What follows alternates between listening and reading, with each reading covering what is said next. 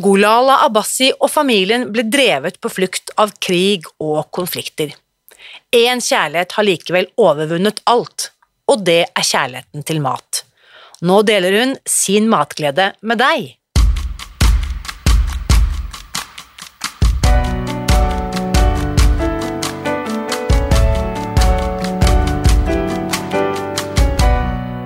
Mitt navn er Irina Lie. Jeg er journalist og forlegger, gründer og sosial entreprenør. I 2015 spiste jeg meg fri fra overvekt og fedme etter å ha slitt med vekt, kropp og følelser i nesten 30 år. Etter at jeg knakk koden, ga jeg meg selv et nytt oppdrag – å dele denne kunnskapen med alle som trenger det. I denne podkasten kan du derfor høre hele lydboken Spis deg fri. Den finner du ved å bla deg tilbake i arkivet og lytte til første sesong. Hver uke inviterer jeg nå gjester som gir deg påfyll til hodet, hjertet og magen. For min visjon er å endre Helse-Norge, og det får jeg ikke til alene. Du bidrar ved å abonnere på podkasten, skrive en omtale i iTunes og tipse meg om hvem jeg burde invitere hit. Da setter vi i gang med ukens episode. Se for deg en muslimsk influenser, en kvinne med hijab i 40-årene. Det er liksom ikke hverdagskost for nordboere som oss. Gulala Abbasi er en sånn kvinne. Gjennom de siste årene har Gulala, som til daglig jobber som tolk, bygget opp en solid tilhengerskare på Instagram med inspirerende retter fra Midtøsten og den arabiske verden. Tidligere i år debuterte hun som kokebokforfatter med utgivelsen Gulalas matreise, og det skal du få høre mer om i dag. Her er ukens gjest. Kjære Golala, velkommen til podkasten. Tusen takk. Du fortalte meg akkurat at dette er første gang du er med på en podkast. Absolutt. Da er det en ære og et privilegium at du velger å bli med her aller først. Hjertelig takk. Takk for at jeg fikk lov å komme. Fantastisk. Og de som ser og hører denne podkasten på YouTube, de kan jo se deg også. Vi vinker til kamera her fra studioet vårt, men veldig mange vil jo bare høre lyden. Eh, og det er veldig synd, fordi det er mye fargerikt vi skal snakke om her i dag. Mm. Og så må jeg bare aller først si gratulerer med en fantastisk eh, kokebok, som jo er bakgrunnen for at vi to sitter her i dag. Tusen hjertelig takk for det. Så når dette intervjuet spilles inn i våren 2023, så har din bok ble faktisk lansert i går. Golalas matreise. Fortell om boken, Golala. Hva, hva, er tanken her? Dette er jo eh, både en mat og en reise og mange ting på en gang. Riktig. Det er jo en bok som inneholder eh, mange spennende, smakfulle fargerike oppskrifter. I tillegg så kommer det en grundig eh, beskrivelse av eh, både belgfrukter, urter og krydder som vi pleier å bruke i matlaging i ja, Midtøsten. I Midtøsten. For det er jo stikkordet her. ikke sant? Det er jo din eh, holdt jeg på å si, ikke-norske bakgrunn og den fantastiske maten du har med deg hjemmefra. Fortell litt om bakgrunnen din, Golara. Ja, hvor skal jeg starte? Ja, hvor skal jeg starte? jeg um, er jo født i en liten landsby i den østlige Kurdistan, i den såkalte iranske delen. Um, uh, når jeg var fire år gammel, så måtte jeg flykte fra Iran til Irak sammen med familien min. Og der nede i Irak så bodde jeg i 15 år. Ja. Der oppvokste jeg og har gått på skole, og etter det så flykta vi hit til Norge. Ja. Og jeg kom til Norge for 24 år siden som eh, kvoteflyktning. Mm. Sammen med familien min. Så hvor gammel er du nå, eller hvor gammel var du da? Jeg var 20 år gammel. 20 år gammel. Mm. Så nå er du 44? Ja. Mm. Så 24 år siden, la meg tenke, slutten på 90-tallet. Mm. Saddam Hussein sitt regime, Irak. Mm. Dette er jo ting vi på en måte husker fra nyhetene. Kan du si litt om hvordan det var å leve i det regimet? eh, på en måte, Hvis det går an å beskrive en hverdag, hvordan hva er virkeligheten i Irak i 1999? Kanskje jeg kan bare si det at det var eh, ikke trygt i det hele tatt. Um, det var eh, fryktelig voldsomme hendelser nesten hver eneste dag. Jeg har jo opplevd både iransk og irakisk krigen, de åtte års Ja. eh, kri, eh, lange krigen. Iran-Irak-krigen. Det var på 80-tallet. Det var på 80-tallet, Mm. og i tillegg så har jeg opplevd Golfkrigen. Mm. Eh, og så Selv om vi bodde i de kurdiske områdene i Irak også, så var det ikke trygt for oss. Nei. Eh, Eldstebroren min ble drept midt på gata. Pappaen min ble fengslet. De kastet granater hjem til oss midt på natta. Vi måtte flytte på oss flere ganger i løpet av de 15 årene som vi bodde i Irak. Så det var ikke trygt på noen som helst måte. Mm. Eh, Men heldigvis så hadde jeg min familie rundt meg, og så hadde vi veldig gode naboer Ja. i de 15 årene vi bodde i Irak. Fordi hvis du havner i en situasjon hvor det er så krise, så er man helt avhengig av det nettverket rundt seg. At du har gode mennesker i nabolaget, familien, nærmeste støtteapparat. Absolutt, så det var dette som eh, hjalp oss gjennom flere vanskelige situasjoner i de 15 årene som vi bodde der. Eh, Det var absolutt de eh, gode naboene vi hadde. Gode venner. Dette høres kanskje litt teit ut, men kan du fortelle litt om maten?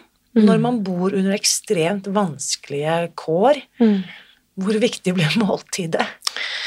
Mat blir jo Det blir jo ikke Det, det blir viktig for å holde deg eh, i live. Absolutt. Fordi noen ganger så var det slik at vi måtte vente til eh, eldstebror skulle komme hjem og hadde med seg litt hvetemel Ja. for å kunne lage eh, mat eller bake brød med, og så kunne vi spise.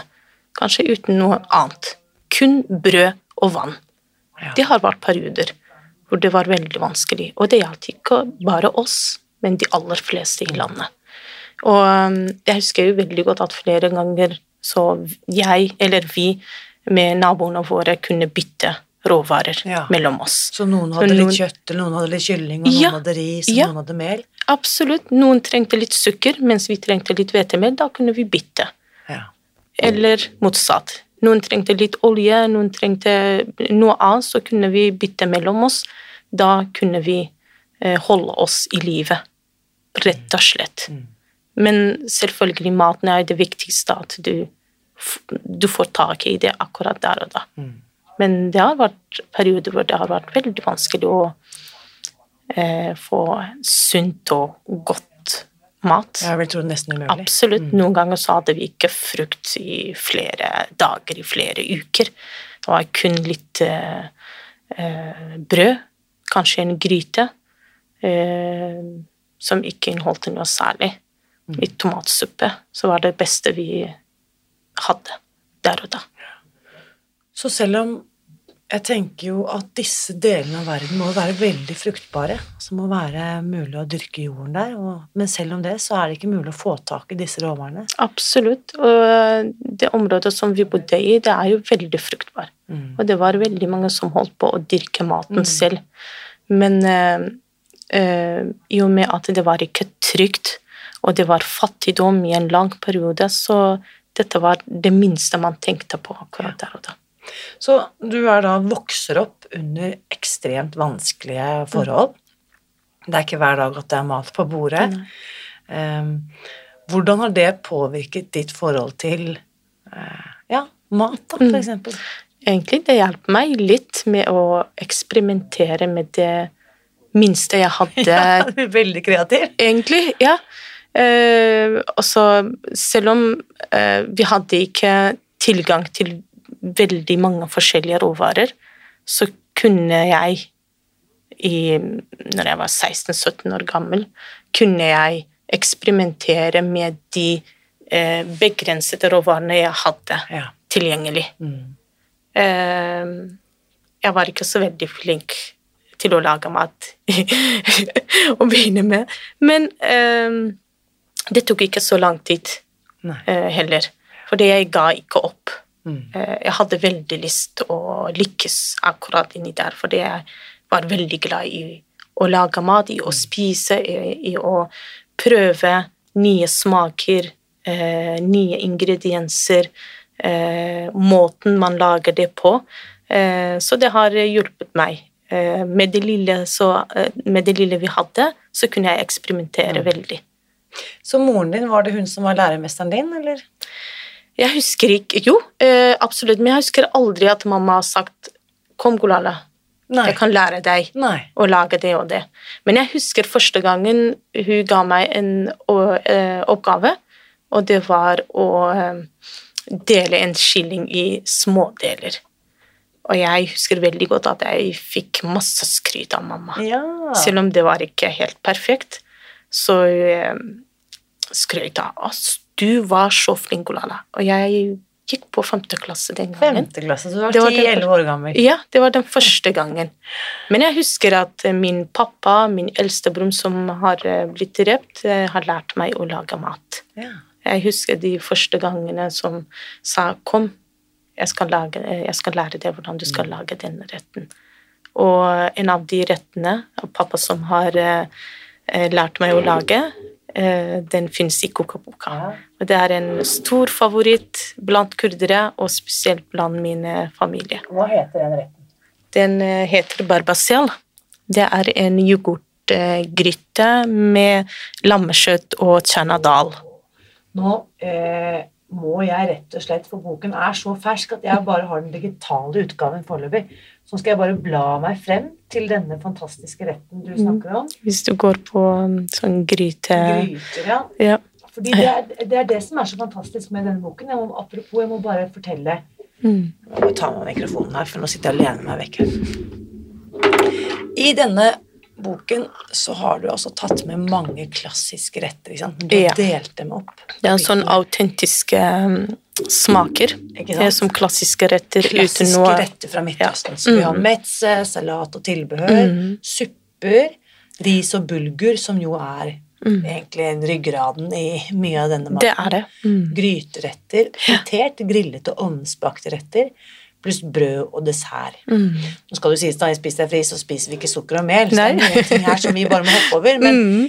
det er jo mange, mange, mange ting her, helt Mm. fantastisk mange ting, som er helt perfekt match in heaven også for oss, da. Mm. Som spiser litt uh, annerledes. Nå skal vi se, nå har vi kommet til Ris og fantastisk ut. Couscous med lammekjøtt og syv grønnsaker. Vi skal finne denne klassiske retten du refererte til. Eh, nå nærmer vi oss Ja. gryterettene, Det vi, vet som er på side 121. Mm. Så da, du må si ifra når vi kommer til denne klassiske Ja, hvis du kan bare Ja. Der! Her har vi Yes, her har vi den. Barbacel yoghurtgryte med lammekjøtt. Mm. Og den, for de som har kokeboken, eller vurderer å kjøpe den, da er denne oppskriften på side 126. 26 er det. Mm. Og da skriver du her i boken. Når jeg lager denne retten, tenker jeg alltid på pappa. Det var han som lærte meg å lage denne gryten, og det er en av de mest populære rettene fra hjemtraktene hans i Øst-Kurdistan. Du kan bruke kylling istedenfor lammekjøtt om du foretrekker det, og den passer godt med flatbrød til. Dette her ser jo helt vanvittig ut. Mm. Altså, det er nesten så jeg kan lukte gryten gjennom boken. Fortell Barbacell denne gryten. Mm. Hva er det som er hemmeligheten her? Hemmeligheten er jo den, den er veldig smakfull. Den er veldig mild i smaken. Og så chana dal, som kanskje de aller fleste har jo hørt om det, men de vet ikke hva det er. Det er rett og slett splittet kikkerter. Trenger ikke bløtlegging. Og, men den har en helt annen smak og konsistens enn kikkerter. Oi. De er det? små uh, chana dal. Eh, det finnes i mange varianter. Uh, men de som er uh, små, smaker best. Kjøper man de ferdig kuttet, eller kutter man de selv? Nei, det, eh, finnes ferdig kuttet. Chanadal. Yes, mm. Chanadal. Det er sånn tørket uh, belgfrukt, på en Ja. måte. Uh, trenges ikke bløtlegging. Om du bløtlegger dem, så de blir ikke ødelagt eh, da bruker du mindre tid. Men jeg syns at du trenger ikke å gjøre det fordi da er det mer smak når den koker sammen med kjøttet. Så dette, hvis her snakker vi slow cook, slow food. Ja, absolutt. Så her kan du lage om morgenen, og så kan Ja. du bare stå gjennom hele dagen. Absolutt. Så når familien kommer hjem på kvelden, så kan du sette deg rundt denne gryten. Absolutt. Det er det. Så em, det er jo også, du har jo også viet flere tekster og sider her til krydder. Mm. Kan du si noe om det typiske Kan vi kalle det Midtøsten-krydder, eller eh, Midtøsten-krydder, iransk, kanskje. kurdisk? Jeg Ja. vet ikke. Mm. Eh, vi kan jo si både kurdisk og Midtøsten, fordi noen av krydderne, eksempel hvis vi tar safran, det finnes jo i hele Midtøsten, men det er i Iran som er brukt mest. Ja. Ikke sant? Og så har vi syv krydder. ja. Den, uh, Ut ifra navnet, så det, jo, det består jo av syv forskjellige krydder. ja. Det er helt fantastisk krydder. Det er ganske mild, men så smakfull at det gir Det blir bare fest i munnen når du Ja. bruker i maten. Og det er eh, de arabiske landene som bruker mest syvkrydder. Når vi eh, snakker om gurkameie, ja. så er det krydderne som eh, eier den, for å si det sånn. Gurkemeie eier Gurkemeie. Det, det absolutt. Og det brukes i mange utallige retter. Ja. Den gir både en veldig fin farge, veldig mild og god smak til eh, maten. Gurkemeie den tåler veldig høy varme.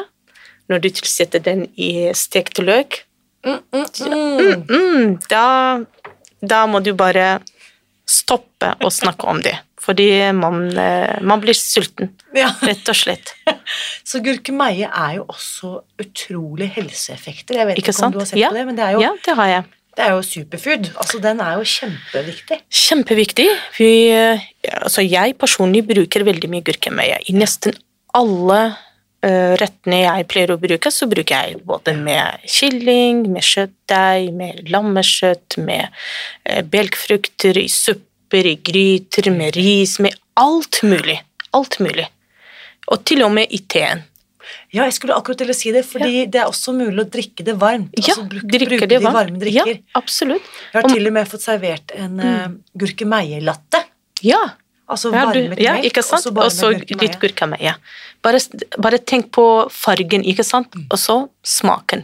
Det eksploderer. Mm. er som Og så helse, ja, helseeffektene Yes. på den andre siden. Det er som å drikke en kopp med sol. Ja, absolutt! Ja. Veldig godt beskrivelse. Absolutt. Og det har en, eh, en god venninne fra Iran, og Mm. dere Altså, jeg vet at du, du ikke identifiserer deg som iransk, da, men på en måte Personer fra den regionen har mm. så rikt Dere er så poetiske. Mm. Og jeg syns at det liksom smitter inn i kunsten dere lager, litteraturen Ja. som skrives, poesien, Mm. maten. Er du med? At det er en sånn Ja, slags det er det. kunst? Ja, Mat absolutt. er en form for kunst? Ja, det er jo Jeg, altså jeg kaller maten, eller den fargerike maten vi har fra Midtøsten, for spiselige maleri.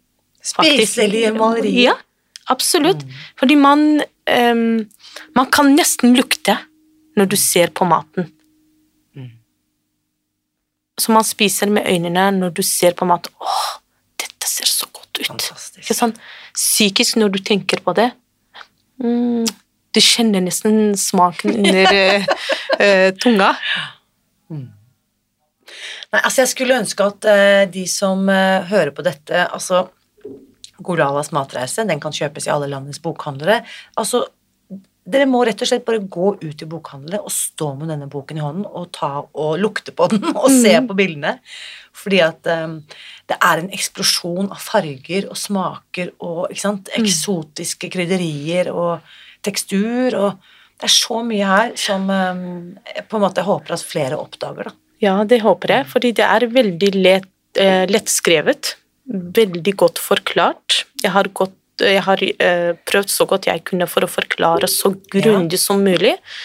Og så alle eh, ingrediensene og råvarene som eh, eh, har jeg brukt, fins både enten i butikker med internasjonal mat, eller norske matvarebutikker, eller man kan bestille det på nettet. Bestille på nettet, ikke Ja, alt. Så selv om du bor på Toten eller Grimstad eller Bardufoss eller Oslo, så er det mulig å få tak i denne maten. Helt riktig. Og det er verdt å kanskje gjøre en liten ekstra innsats for å få tak i akkurat disse ingrediensene, for da får du altså mener jeg. Gevinsten kommer i form av god mat. Helt enig. Her for eksempel så ser vi på fasolia Ja. bønnegryte. Mm. Eh, det betyr Altså, det her, denne er jo med kjøtt, Mm. men du kan også lage disse Ja. Skal bare, hvis du bare trykker på Ja, ferdig. ja, vi, Du kan også trykke på Nei, unnskyld. Du kan også lage disse rettene vegetariske. Absolutt. Ja, det har jeg prøvd å nevne Mm. under eh, tipsdelen også. De aller fleste som inneholder kjøtt, kan lages vegetarisk. Ja. Absolutt. Så Og her Oh la la, hva er dette for noe? Horme sabzi det er en iransk uh, gryte. Gourmet sabzi, Ja. Uran, iransk urtegryte. Mm. Og her skriver du altså Denne urtegryten er en av favorittene til iranere flest. Forskjellige provinser lager forskjellige versjoner. Ja, ikke sant? Nettopp. To ingredienser er avgjørende her. Det er Hva står det her? Bukkenhorn kløverblader Mm. og tørkede sitroner. Jøss, dette har jeg ikke vært borti. Nei. Og der står det at det er vanskelig å få tak i bukkenhornkløver her i Norge. Derfor har jeg brukt ikke sant? Og her ikke sant, Mm. har du da kommet med alternativer. Mm. Fry, fryst gourmet sapsi, urteblanding. Mm. Den eh, tradisjonelle gourmet sapsien er ganske fet, så syrligheten i sitronen er viktig for å balansere smakene. Ja. Mm. For eksempel, du nevnte i stad at du har ikke borti eh, tørkete sitron. Og da har jeg forklart med både bilde eh, og eh, tekst i boka. Hva er tørkete sitroner, hvordan vi bruker, hvordan det ser ut, hvor kan du få tak i det? Kan jeg lage det selv? Nei. Nei. Fordi her er det ikke Det må være ganske tørr. Eh, Også være eh, Klimaet må være ganske tørr, også med sol, og eh, ellers eh, råtner det. Så Det du kan blir ikke putte den i ovnen på 50 grader? Nei, det tror jeg ikke. Det Nei, går ikke. anbefaler vi ikke. Nei, Så da må vi importere importere tørkede sitroner. Det Mm. er helt sikkert eh, Mm. Jeg Det, elsker det sånne er verdt det.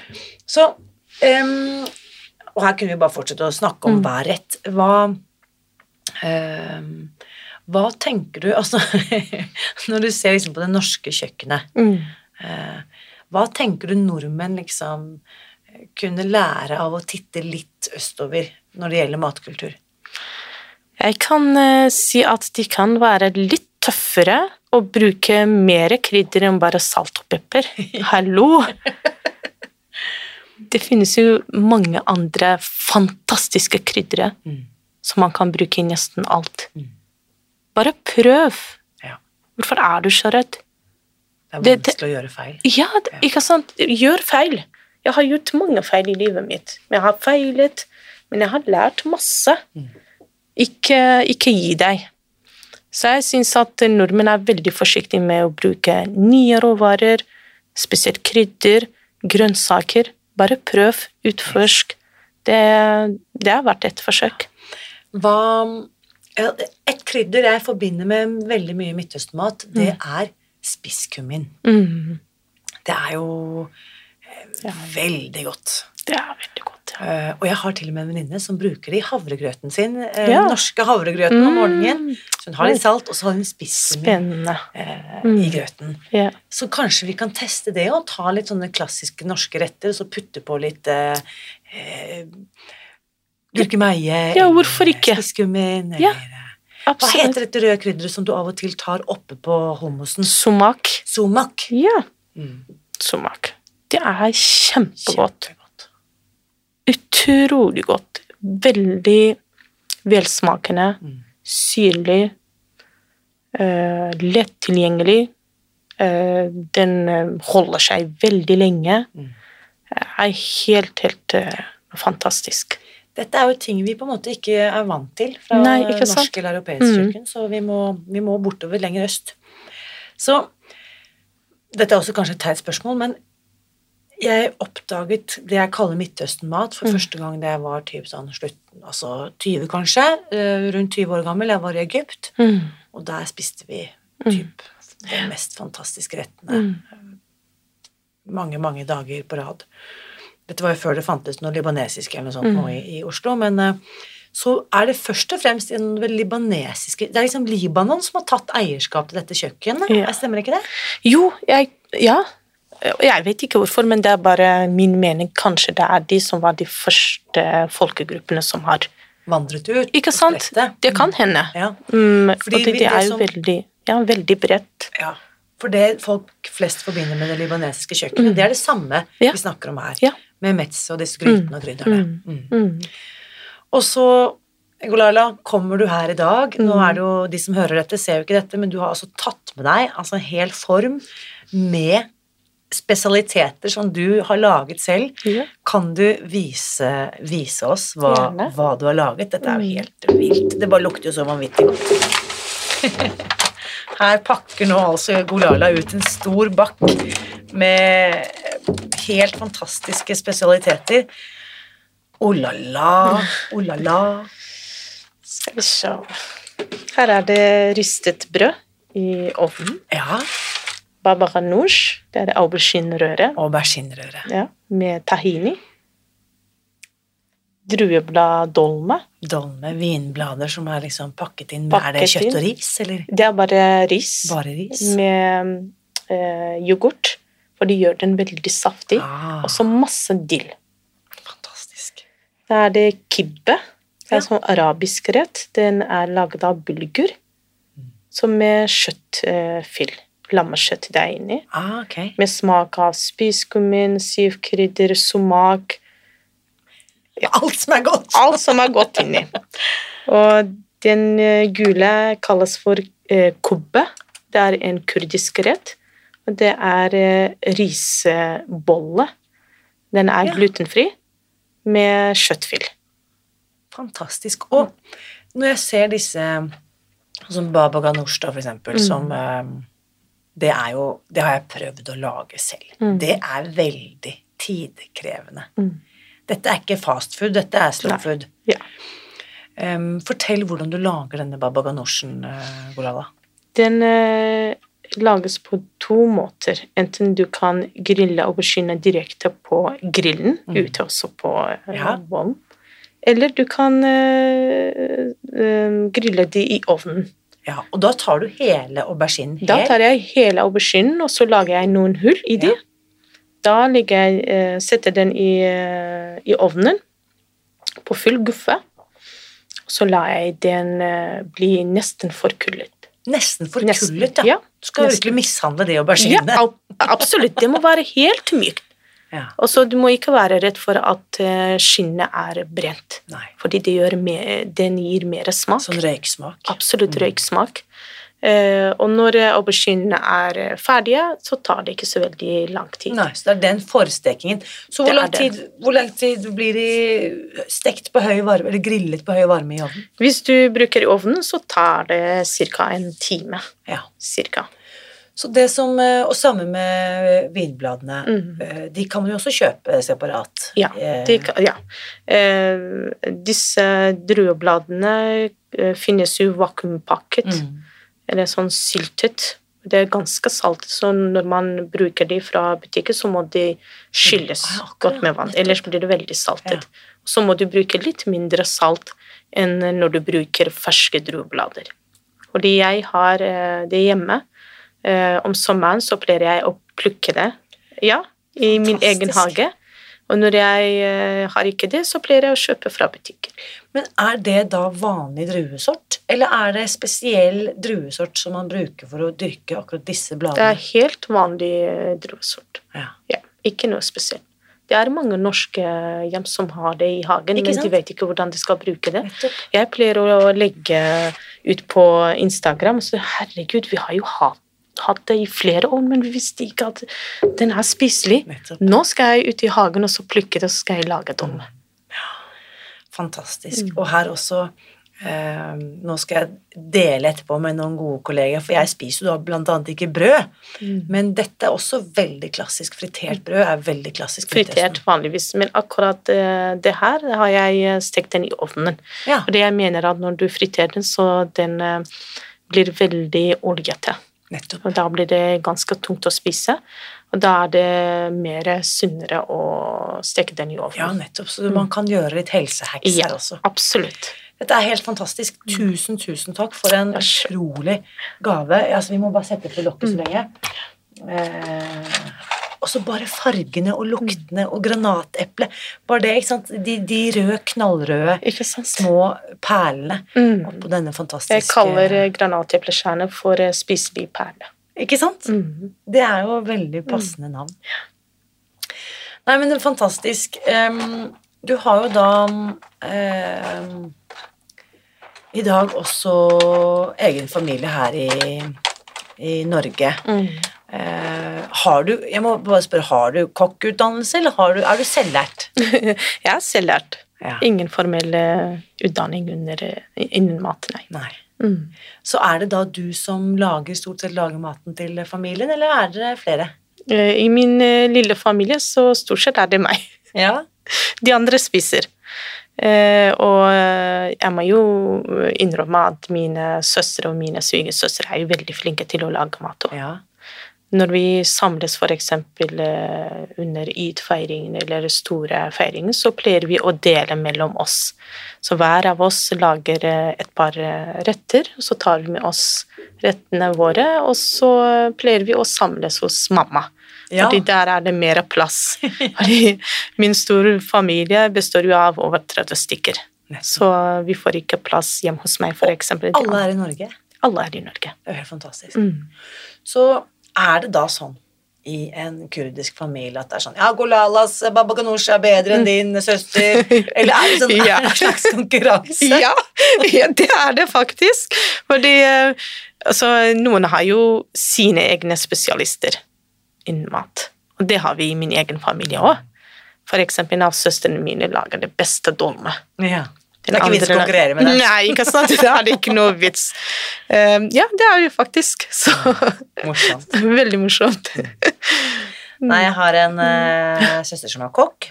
Ja. Jeg har en søster som er lege òg, men kokken er jo veldig god på å lage mat. Og, og legen er flink til å lage mat, hun òg, altså, men og da er det av og til sånn når kokken skryter av min pesto sånn, Mm, sånn, ikke sant? Ja, hyggelig, da er det veldig, veldig hyggelig. Og anerkjennelse Absolutt. for uh, eh, spesialitetene. Mm.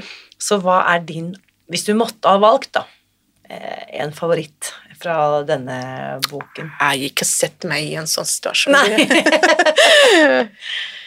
Det blir jo veldig vanskelig hvis jeg får lov å velge kun én. Kun én. Det var veldig vanskelig. Um, kanskje jeg kan si Ash. Æsj, og hva er det for noe? Det er en iransk eh, suppe. Ah, Den eh, inneholder eh, belgfrukter, både linser, eh, svartøyebønner, kikkerter eh, og masse krydder. Den er ganske mild i smaken, ganske tykk suppe, men det er noe av det beste jeg vet, og jeg er eh, veldig flink til å lage denne retten. Og hver gang når vi samles, så sier Golala du skal lage asjen. Okay. Det er ingen andre som eh, kan eh, eh, konkurrere med din. Vi skal ta en titt Mm. på asj. Der. Her har vi suppene. Er det Der, Der der ja. vet du. Mm. Yoghurtsuppe med belgfrukter, bønner og masse urter. ja. Så da står det her i boken Denne oppskriften er på side 70. Da står det her. Når jeg spør barna mine om hva vi skal ha til middag, så svarer de nesten hver gang Asj. ja. Hasj er en tykk suppe som er en eh, del av både det iranske, afghanske, aserbajdsjanske og kaukasiske kjøkkenet. Dette må være verdens beste suppe, full av næringsstoffer. Her har jeg laget min egen versjon. Den er smakfull, kjøttfri, glutenfri og mettende. Mm. Det vil si et skikkelig kinderegg. Ja.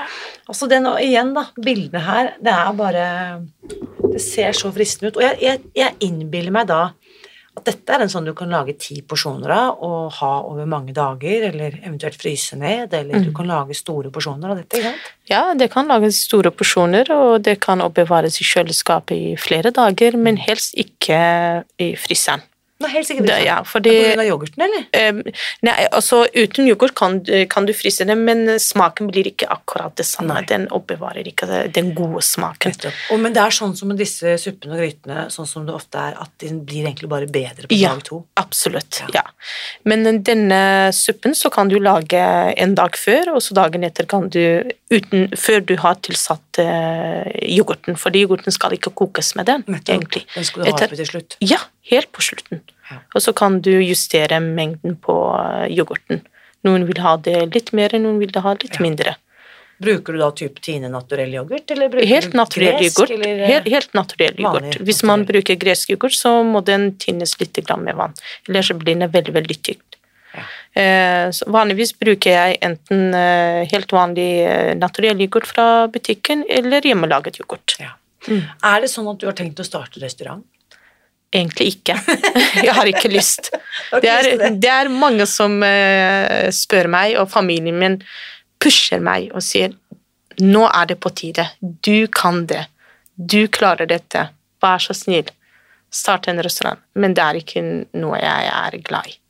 Så før vi kan komme til Golala og spise, så kan du gå på butikken og kjøpe Golalas matreise, ta med denne kokeboken hjem og lage en restaurant hjemme hos deg selv. Helt riktig.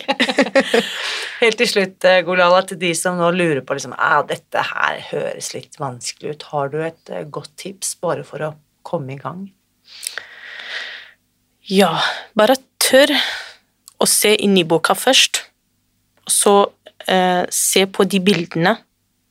Og se på forklaringen. Hvor enkelt har jeg forklart? Og så bare prøv og tør å prøve lite grann, og eksperimenter. Mm. Det er bare fantasien som setter grenser, og det er du som står på kjøkkenet, og ingen andre. Og det er ikke mulig å gjøre feil. Absolutt, jeg har gjort mange feil selv. Så da er det bare å teste, og feiler du, så blir det helt sikkert godt likevel, og så bare prøve en ny oppskrift neste gang. Fantastisk. Tusen, tusen takk for at du deler din matreis med oss, eh, Tusen takk at jeg fikk lov å komme. Nå lurer jeg på, hva tenker du etter å ha hørt min samtale med Golala i dag? Samtalen etter ukens episode fortsetter som vanlig i den åpne Facebook-gruppen Spis deg fri, så bli med over dit og del dine takeaways fra denne episoden. Og siden temaet denne uken har vært fargerike kokebøker, har jeg lyst til å relansere et av våre mest populære tilbud noensinne, nemlig det såkalte kokeboktilbudet. Det finner du ved å gå til spisdegfri.no kokeboktilbud. Tilbudet inkluderer altså den store grønne kokeboken vår, som egentlig heter Den offisielle kokeboken, som vi sender hjem til deg i posten. Her finner du fargerike oppskrifter til frokost, lunsj og middag, og i boken finner du også matplaner for et helt år. Tilpasset både deg som spiser kjøtt, fugl og fisk, og for deg som foretrekker vegetariske eller veganske alternativer. Og når du bestiller denne kokeboken på våre nettsider, får du altså med det populære nettkurset to uker som en eh, gratis bonus. Tilbudet det finner du ved å gå til spisdegfri.no kokeboktilbud. Og ikke nok med det, for da vi lanserte den grønne kokeboken, så inviterte vi Spis deg fri-følgere over hele landet til å lage oppskriftene hjemme på sitt eget kjøkken og spille inn en video. Og disse fantastiske gjør det selv-snuttene har vi samlet i et eget videobibliotek, som du også får tilgang på når du bestiller denne boken. Så her er det egentlig bare å klikke deg videre til nettsidene våre og bestille dette fantastiske tilbudet på spisdegfri.no kokeboktilbud. Boken den sender vi hjem til deg i posten, mens videobiblioteket og nettkurset to uker det får du tilgang på med en gang, så her er det ingen grunn til å vente. Husk også, uansett hva du velger å spise, så vit at jeg heier på deg. Alltid.